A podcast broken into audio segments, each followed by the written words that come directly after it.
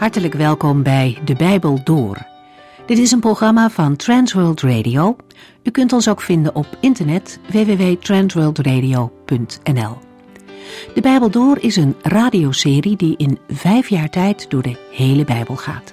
Van Genesis tot Openbaring, van kaft tot kaft.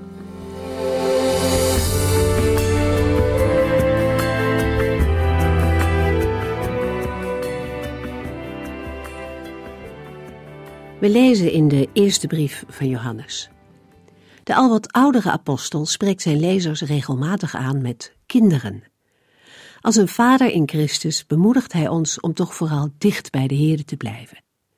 In dat woord kinderen, daar zit iets vertrouwds in. Het laat zien dat Johannes van harte betrokken is bij de gelovigen aan wie hij schrijft. In hoofdstuk 3 spreekt hij erover dat gelovigen kinderen van God zijn. Dat is iets wat we zeker mogen weten. Over de verhouding ouder-kind is natuurlijk van alles te zeggen. Maar een van de kenmerken is dat een kind op zijn ouders lijkt. Uiterlijk is het soms goed te zien, maar ook iemands stem kan net zo klinken als een van zijn ouders. Of houding en gedrag kunnen sprekend lijken op dat van de ouders. Ook in het geestelijke geldt dit. Johannes schrijft dat je aan iemands daden kunt zien van wie hij een kind is. De kinderen van God en de kinderen van de duivel hebben zo hun eigen kenmerken. Het verschil komt tot uiting in het wel of niet doen van wat goed en rechtvaardig is. Johannes schrijft hier resoluut over. Ieder mens behoort tot één van de twee volgende categorieën: licht of duisternis, God of de duivel. Het is zwart-wit. En dat zijn we tegenwoordig niet meer gewend. Maar de Bijbel geeft geen tussenweg aan. Ook de Heer Jezus zegt het. Wie niet voor mij is, is tegen mij. Wie mij niet helpt om mensen te verzamelen, jaagt ze uiteen. Na de wedergeboorte hoort een gelovige bij het gezin van God. Hij krijgt een nieuw leven en het brengt ook een nieuwe manier van leven met zich mee. Dat nieuwe leven gaat groeien en gaat vrucht dragen. Het horen bij Gods familie wordt met name zichtbaar wanneer we andere mensen, vooral de gelovigen, liefhebben. Johannes gaat verder op dat thema in en wij lezen daar vandaag over in 1 Johannes 3 vanaf vers 13.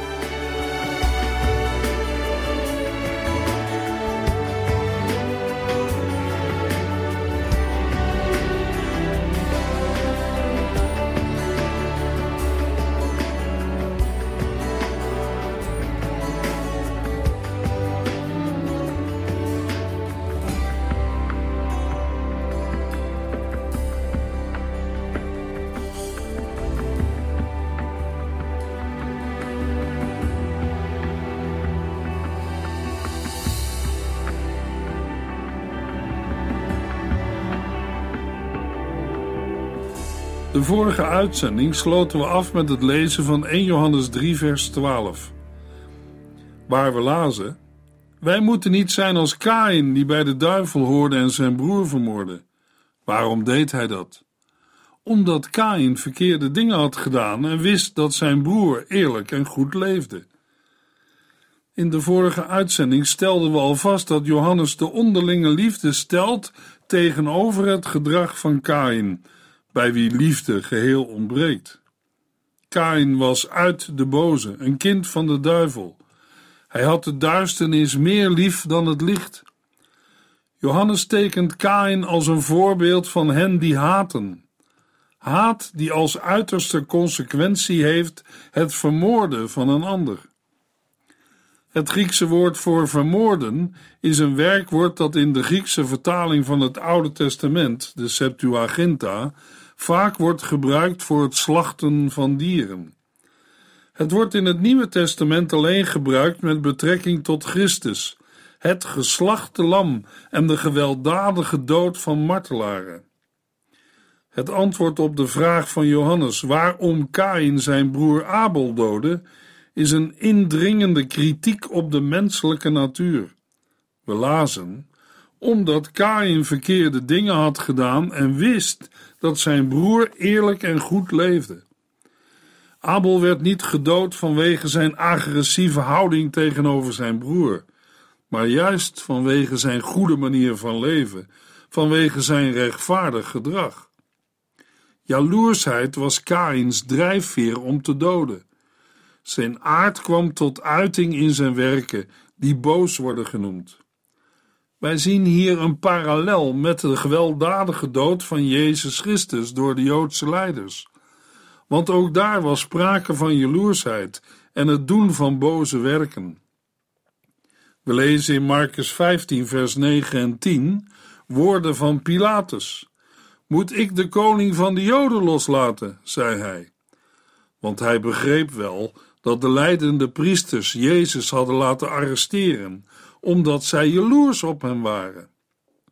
Hetzelfde lezen we later in Handelingen 13, vers 45. De Joodse leiders werden kwaad omdat Paulus en Barnabas zo in de belangstelling stonden. Ze waren erg jaloers en spraken Paulus met grove taal fel tegen. En iets verderop in Handelingen 13, vers 49 en 50 lezen we: Het nieuws over Jezus Christus ging door heel de streek. Dat was erg tegen de zin van de Joodse leiders. Zij hitsten voorname gelovige vrouwen en het stadsbestuur op en slaagden erin een vervolging tegen Paulus en Barnabas te ontketenen, zodat die uit dat gebied werden verjaagd. Paulus schrijft later in Romeinen 10, vers 1 tot en met 4 aan de gelovigen in Rome over het Joodse volk, inclusief hun leiders.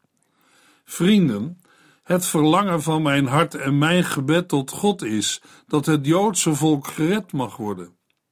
Ik weet dat zij met veel toewijding God dienen, maar zij missen het juiste inzicht. Zij begrijpen niet dat Christus gestorven is om het tussen God en hen goed te maken. In plaats daarvan proberen zij door goed te leven Gods gunst te winnen en voegen zij zich niet naar de manier waarop God dat zou willen. Want nu Christus er is, hoeft niemand meer zijn best te doen om volgens de wet van Mozes rechtvaardig te worden. Iedereen die op Christus vertrouwt, wordt rechtvaardig.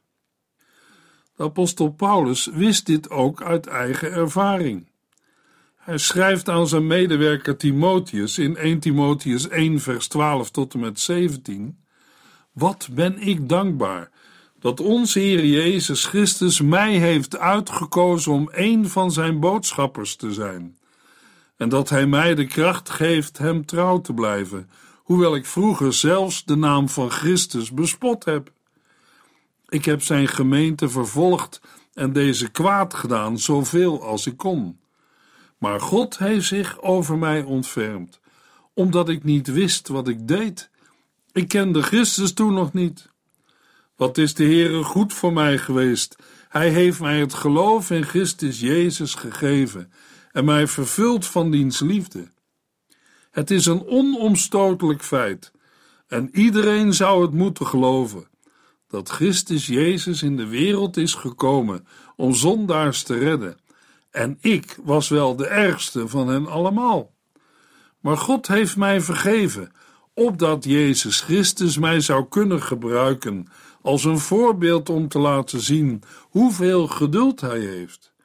Zo zullen anderen beseffen dat ook zij eeuwig leven kunnen krijgen. Alle eer en heerlijkheid is voor God, voor altijd en eeuwig. Hij is de koning van alle eeuwen, de onzichtbare die nimmer sterft. Alleen Hij is God. Amen.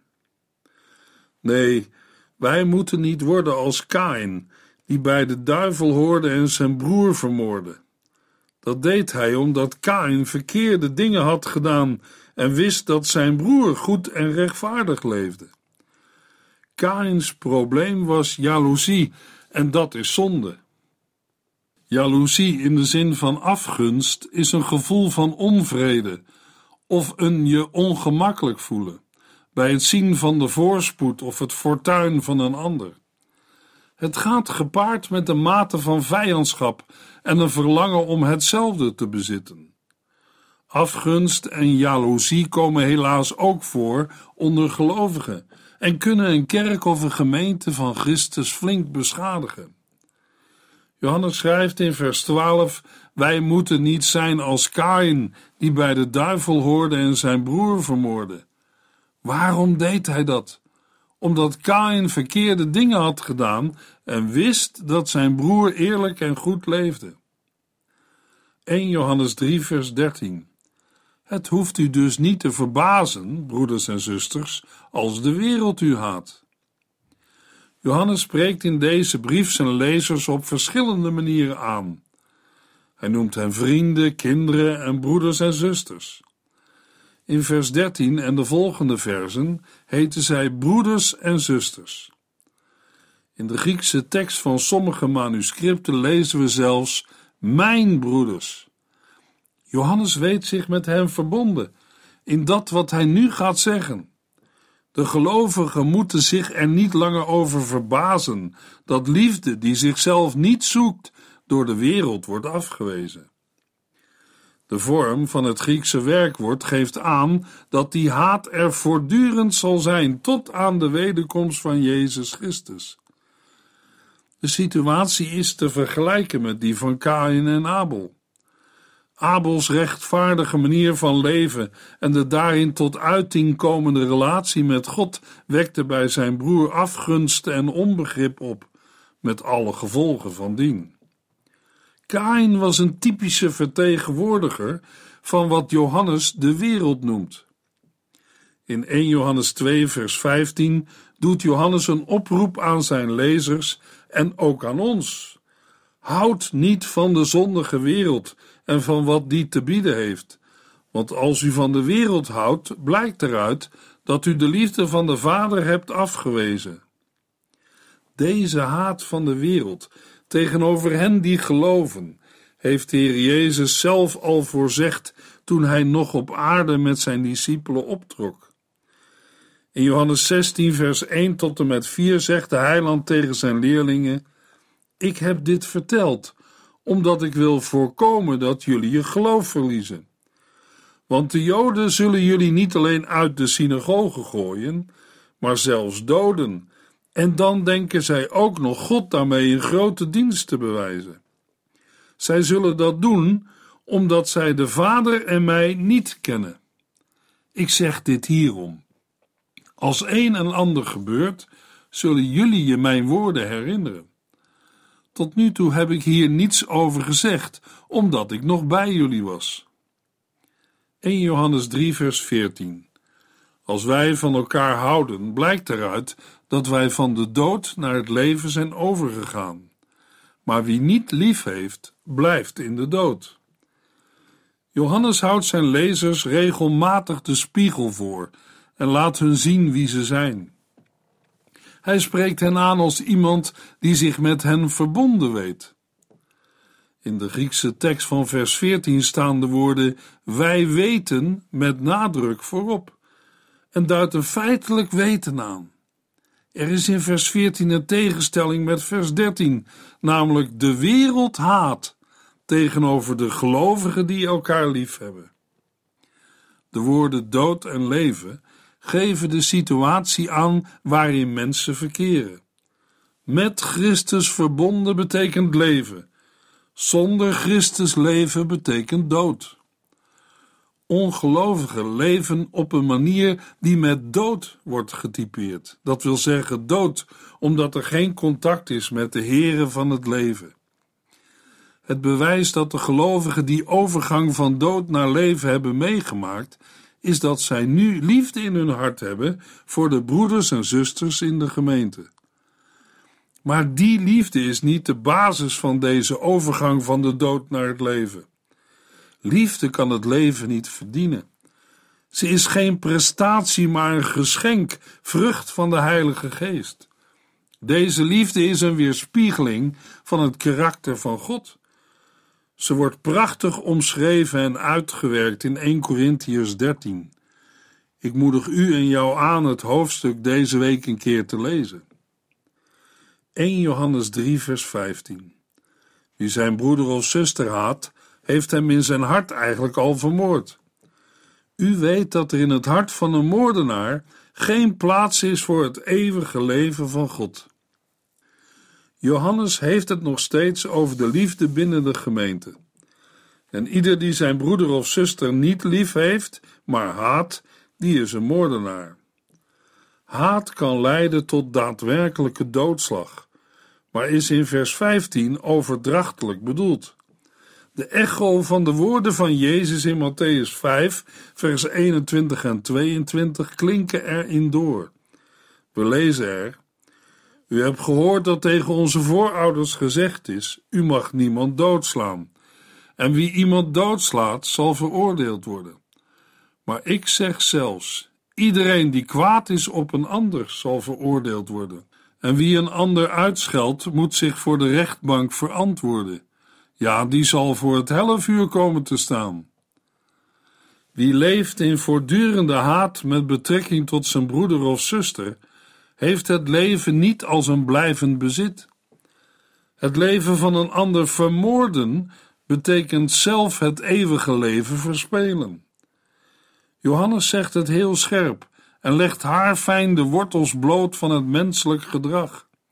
Haat is de wortel van moord. Haten en moorden enerzijds en leven anderzijds sluiten elkaar uit. Bij deze woorden moeten we ons goed realiseren dat deze passage niet leert dat een feitelijke moordenaar niet behouden kan worden. Christus betaalde de straf voor alle zonden, zelfs die van een moordenaar. Maar als een mens door Christus is gered, zal hij of zij niet langer in haat leven. Johannes schrijft in vers 15: Wie zijn broeder of zuster haat, heeft hem in zijn hart eigenlijk al vermoord. U weet dat er in het hart van een moordenaar geen plaats is voor het eeuwige leven van God. 1 Johannes 3, vers 16. Door het voorbeeld van Christus, die voor ons gestorven is, weten wij wat echte liefde is. Daarom moeten ook wij ons leven opofferen voor onze broeders.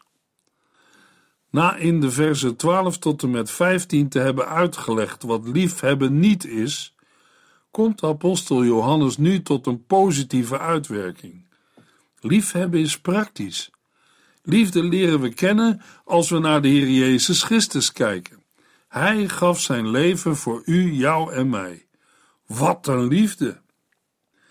In Johannes 10, vers 11 en 12 zegt de Heer Jezus: Ik ben de goede herder. De goede herder geeft zijn leven voor zijn schapen. Een ingehuurde knecht laat de schapen in de steek zodra hij een wolf ziet aankomen, want hij is de herder niet. De schapen zijn niet van hem. De wolf pakt er een en jaagt de andere uiteen. In vers 15 zegt de heiland het nog een keer. Ik geef mijn leven voor mijn schapen. En in vers 17 en 18 voegt de heiland nog toe: De Vader houdt van mij, omdat ik mijn leven geef en het later zal terugnemen. Niemand berooft mij van het leven. Ik geef het uit eigen vrije wil, want ik kan en mag mijn leven geven en het terugnemen.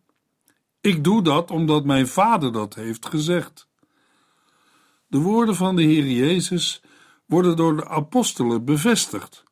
Bijvoorbeeld door de apostel Paulus in Romeinen 5, vers 8 en 9, waar we lezen: Maar God heeft ons zijn grote liefde getoond door Christus te sturen en Hem voor ons te laten sterven toen wij nog schuldige zondaars waren.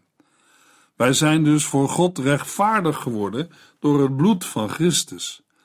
Des te meer zal Hij ervoor zorgen dat Gods vreselijke oordeel aan ons voorbij gaat. En in Gelaten 2 vers 20 en 21 schrijft Paulus: Daarom leef ik zelf niet meer, maar Christus leeft in mij. Zolang ik nog in dit lichaam ben, leef ik door het geloof in de Zoon van God. Hij hield zoveel van mij dat hij zijn leven voor mij heeft gegeven. Wat God in zijn genade heeft gedaan, wil ik niet onderschatten. Want als wij het met God in orde konden maken door de Joodse wet te houden, zou Christus voor niets gestorven zijn. Op het kruis van Golgotha heeft de Heer Jezus zijn leven vrijwillig afgelegd. Hij heeft zich voor ons opgeofferd. De vorm van het werkwoord afleggen of opofferen wijst op een daad in het verleden. Waar Kain een duidelijk bewijs van haat heeft laten zien, heeft Jezus Christus een overtuigend bewijs van liefde gegeven. Haat is negatief en leidt tot actie tegen een ander. Liefde is positief en geeft zich aan of voor de ander. Dat Christus voor ons is gestorven betekent niet alleen ten voordele van ons, maar ook in onze plaats. Hij stierf opdat wij niet zouden sterven. De zelfovergave van de Heer Jezus geeft aan hoe ver het liefhebben van de gelovigen dient te gaan. De Heer Jezus roept op om Hem na te volgen. Na de voetwassing vroeg de heiland aan zijn leerlingen in Johannes 13, vers 12 tot en met 15: Begrijp jullie wat ik voor jullie heb gedaan? Jullie noemen mij meester en heren, en dat is juist, want dat ben ik ook. Als ik nu jullie voeten heb gewassen, moeten jullie dat ook bij elkaar doen, want ik heb jullie een voorbeeld gegeven. Volg mij hierin na. Dat het navolgen van de Heer Jezus met vallen en opstaan gepaard gaat, blijkt uit de vraag van Petrus en het antwoord van Jezus in Johannes 13, vers 37 en 38, waar Petrus vraagt: Maar waarom kan ik nu niet met u meegaan? Ik heb alles voor u over. Dan moet de heiland hem vragen en zeggen: Alles voor mij over? Luister goed nog voor de haan kraait, zul je drie keer gezegd hebben dat je mij niet kent. Johannes 15, vers 13 en 14 zegt de Heer Jezus nog een keer tegen zijn leerlingen: Wie zijn leven voor zijn vrienden over heeft, heeft de grootste liefde. Jullie zijn mijn vrienden als jullie doen wat ik zeg. De bereidheid om hun leven te geven voor de broeders en zusters vinden we ook bij de apostelen. Paulus schrijft in Romeinen 9, vers 3: Echt, ik zou zelf van Christus afgesneden willen zijn, als ik daarmee mijn broeders en zusters van de ondergang zou kunnen redden. Aan de Filippenzen schrijft Paulus in Filippenzen 2, vers 5 tot en met 11: Blijf erop toezien dat uw innerlijke houding moet zijn zoals die van Christus Jezus, die, hoewel hij de gestalte van God had, zich niet heeft vastgeklampt aan zijn goddelijke rechten. Integendeel, hij legde zijn grote macht en heerlijkheid af, nam de gestalte aan van een dienaar en werd een mens.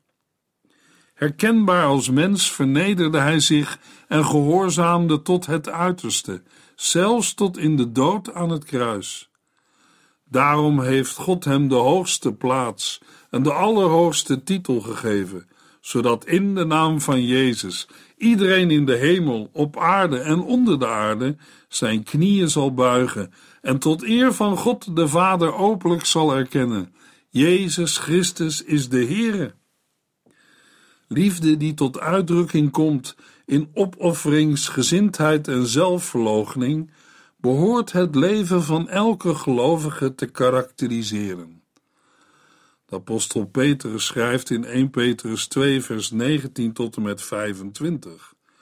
Een gelovige mag blij zijn als hij ten onrechte een slechte behandeling moet ondergaan, omdat hij voor God een zuiver geweten wil houden. Als u geduldig de straf voor uw misdaden ondergaat, is dat natuurlijk geen verdienste. Maar als u goed doet en dan geduldig het onrecht verdraagt dat u wordt aangedaan, zult u de genade van God ervaren. Al dit lijden hoort bij het leven waartoe God ons geroepen heeft. Christus, die voor u geleden heeft, is het voorbeeld dat u moet volgen, en in zijn voetstappen moet u treden. Hij heeft niets misdaan en zei nooit een verkeerd woord. Als hij beledigd werd, zei hij niets lelijks terug. Als de mensen hem pijn deden, dreigde hij niet het hun betaald te zetten. Hij liet het allemaal over aan God, die rechtvaardig oordeelt. Hij heeft onze zonden gedragen in zijn eigen lichaam toen hij stierf van het kruis. Daardoor zijn we nu dood voor de zonde en kunnen wij voortaan leven zoals God het wil, want de wonden in zijn lichaam hebben ons genezen. Vroeger zwierven wij allemaal rond als verdwaalde schapen. Maar nu bent u teruggekeerd naar de herder, naar hem die onze zielen onder zijn hoede neemt. Johannes zegt in 1 Johannes 3, vers 16: Door het voorbeeld van Christus, die voor ons gestorven is, weten wij wat echte liefde is.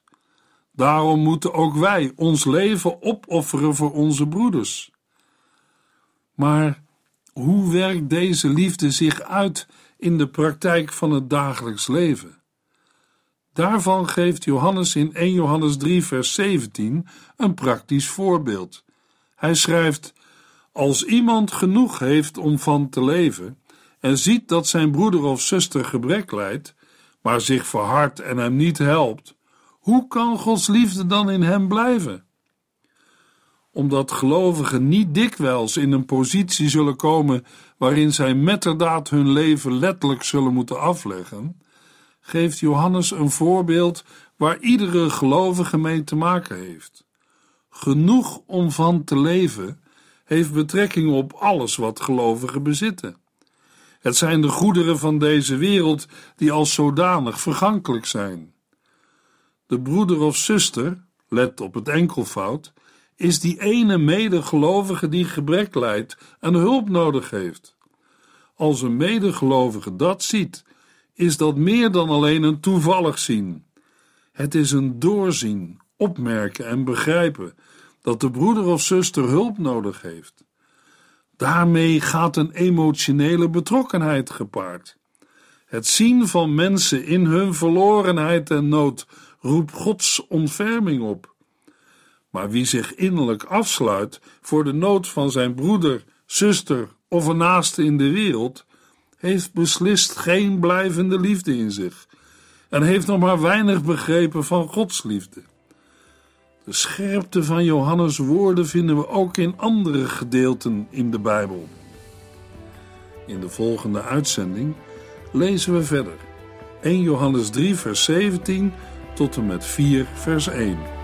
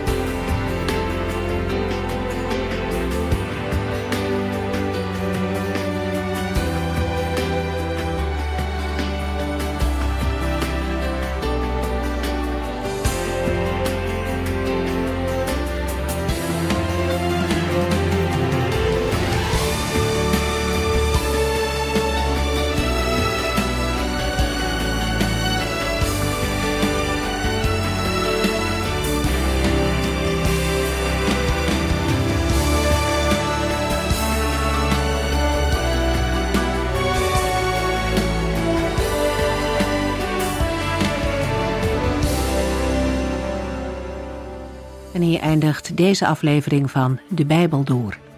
Een serie programma's van Transworld Radio. Wilt u ons iets vragen of meer weten? Dan kunt u altijd contact met ons opnemen.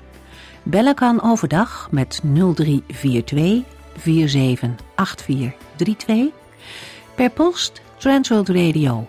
Postbus 371. Postcode 3770. Anton Johannes in Barneveld. En e-mailen kan ook. De Bijbel door at transworldradio.nl En natuurlijk ook via onze website transworldradio.nl Dit programma werd gepresenteerd door Cor Weda en Ike André. En namens iedereen die er nog meer aan meegewerkt heeft, graag tot de volgende keer.